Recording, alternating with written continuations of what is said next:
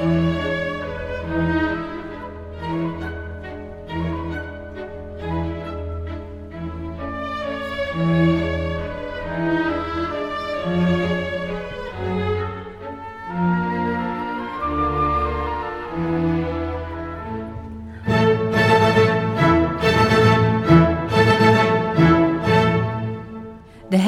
Van de dans, zoals de 19e-eeuwse ballettragedie Giselle vaak wordt genoemd, is nog altijd een van de meest gedanste balletten ter wereld. Het is een ballet over heftige emoties, over liefde, bedrog, wraak, vergiffenis, over niet kunnen kiezen en uiteindelijk de verkeerde keuzes maken. Emoties die tijdloos zijn, die ook in onze tijd ons levensgeluk of het gebrek eraan bepalen. Deze productie van het Nationale Ballet naar het origineel van Jules Perrault en Jean Coralli uit 1841, op muziek van Adolf Adam, speelt zich af aan het einde van de 18e eeuw, de beginperiode van de romantiek. Hoofd van de artistieke staf van het Nationale Ballet Rachel Beaujean en Ricardo Bustamante, assistant director van het San Francisco Ballet, hebben de choreografie van Giselle in 2009 aan een grondige revisie onderworpen. De decors en kostuums zijn ontworpen door Tour van Schaik. Tot 2009 stonden versies van Anton Dolin en van Sir Peter Wright op het repertoire. Na 2009 is de vernieuwde versie van Giselle vele malen opgevoerd, ook in het buitenland, waaronder in Shanghai en Peking in China, Izmir in Turkije, Bogota in Colombia en Bilbao en Valencia in Spanje. Het romantische ballet toont de weerslag van het tijdperk van de romantiek, de passie van het romantische lijden in de 19e eeuw. Théophile Gautier leefde van 1811 tot 1872, was theatercriticus en dichter. Een gevleugelde uitspraak van hem was kunst om de kunst.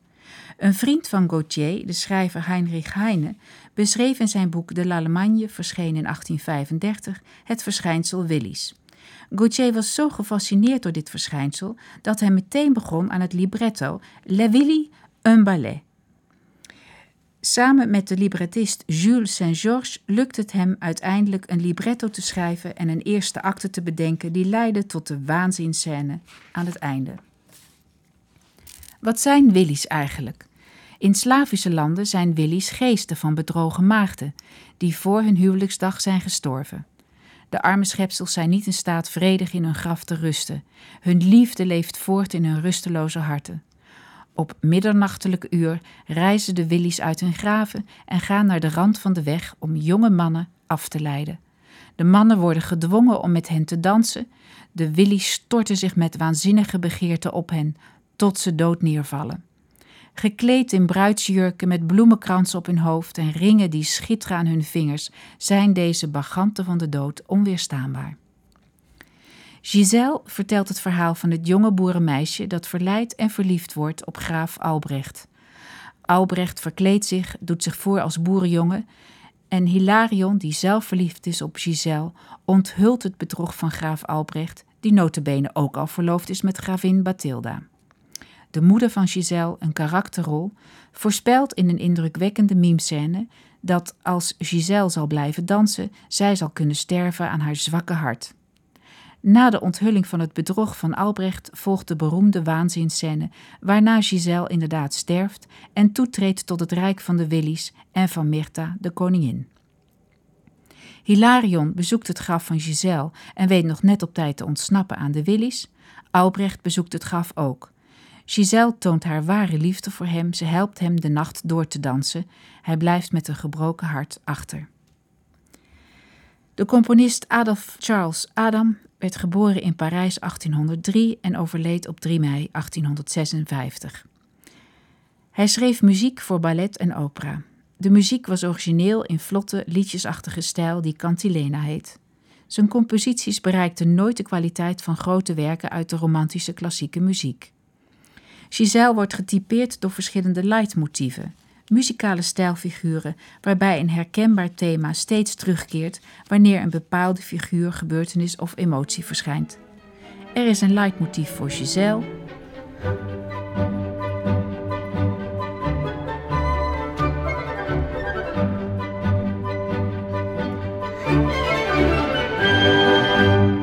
Albrecht en Giselle samen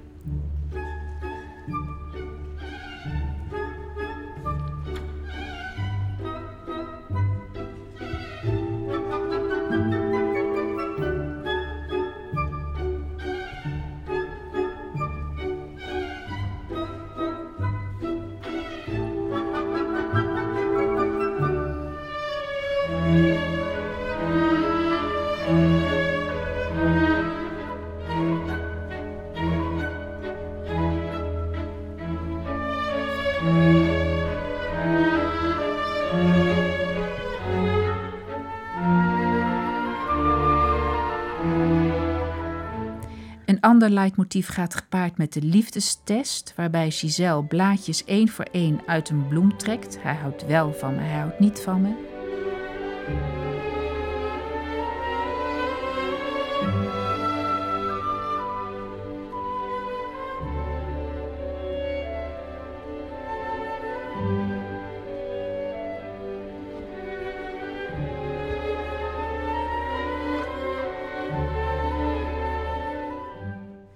Ook de Willies hebben hun eigen leidmotief. Het is te horen in de ouverture, in het eerste bedrijf wanneer de moeder haar dochter waarschuwt voor haar hart en de aankondiging van Giselle's lot in de slotscène.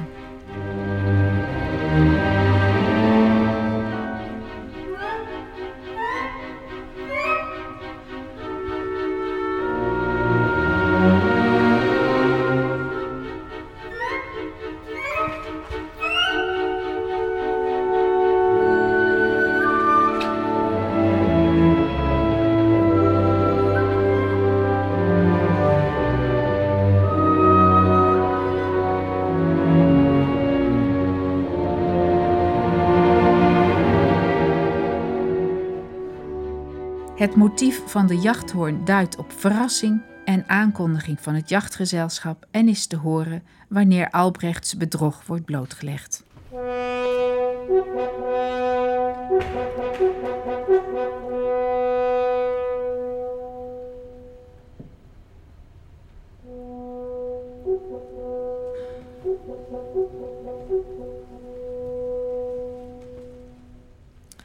Adolf Adams oeuvre bestaat uit zo'n 90 werken. Hij overlijdt in Parijs op 52-jarige leeftijd. Rachel Beaujean vertelt in een interview met Sander Hiskemuller in Trouw 2009... Giselle werkt alleen als je dicht bij de emotie blijft.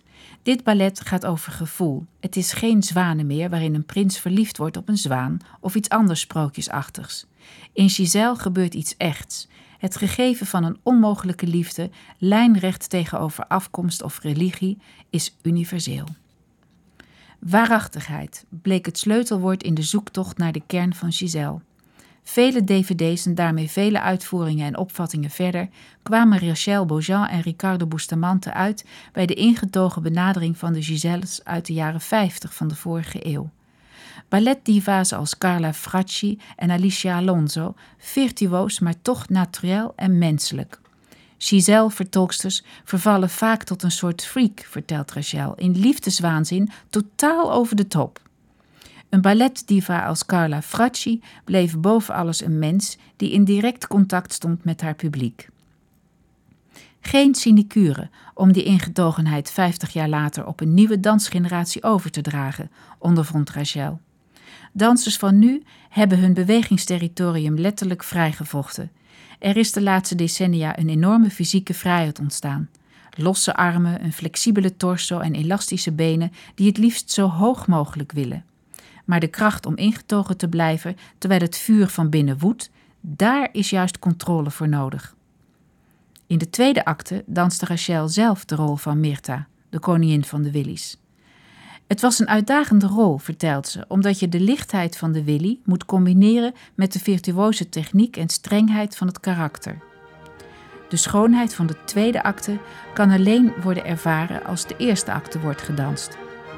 Rachel leidde het corps de ballet in de tweede acte niet alleen naar het gelijk dansen, maar naar een gezamenlijk ervaren, als het ware gezamenlijk ademen, waardoor het corps de ballet echt als een eenheid overkomt.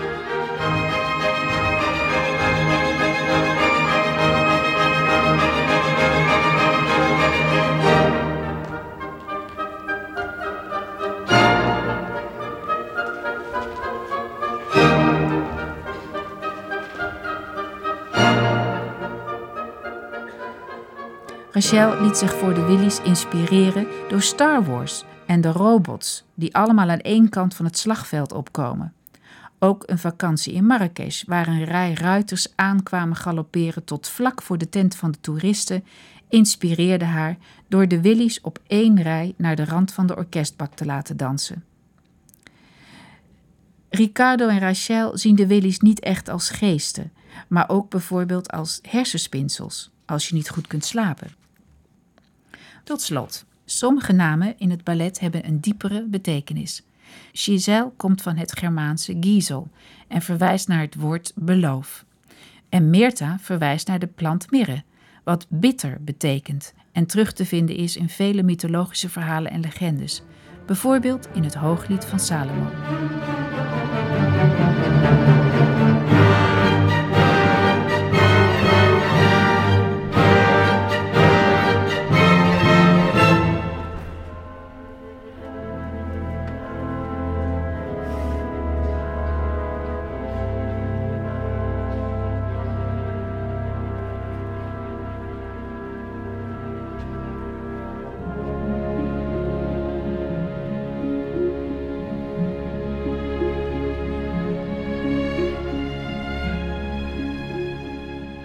Mijn geliefde is mij een bundeltje mirre, rustend tussen mijn borsten. Ik stond op om mijn geliefde open te doen. Mijn handen dropen van de mirre. Mijn vingers van vloeiende mirre op de greep van de grendel. Zijn wangen zijn als balsembedden, perken van kruiden.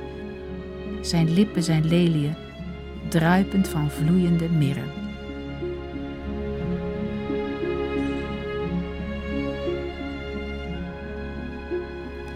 Voorafgaand aan elke voorstelling vindt een gratis toegankelijke inleiding plaats in Nationale Opera en Ballet. De inleiding duurt een half uur en begint drie kwartier voor aanvang van de voorstelling. Aan elke voorstelling wordt meegewerkt door het Balletorkest. U heeft geluisterd naar Lin van Ellinkhuizen, beleidsmedewerker danseducatie, afdeling educatie, Nationale Opera en Ballet.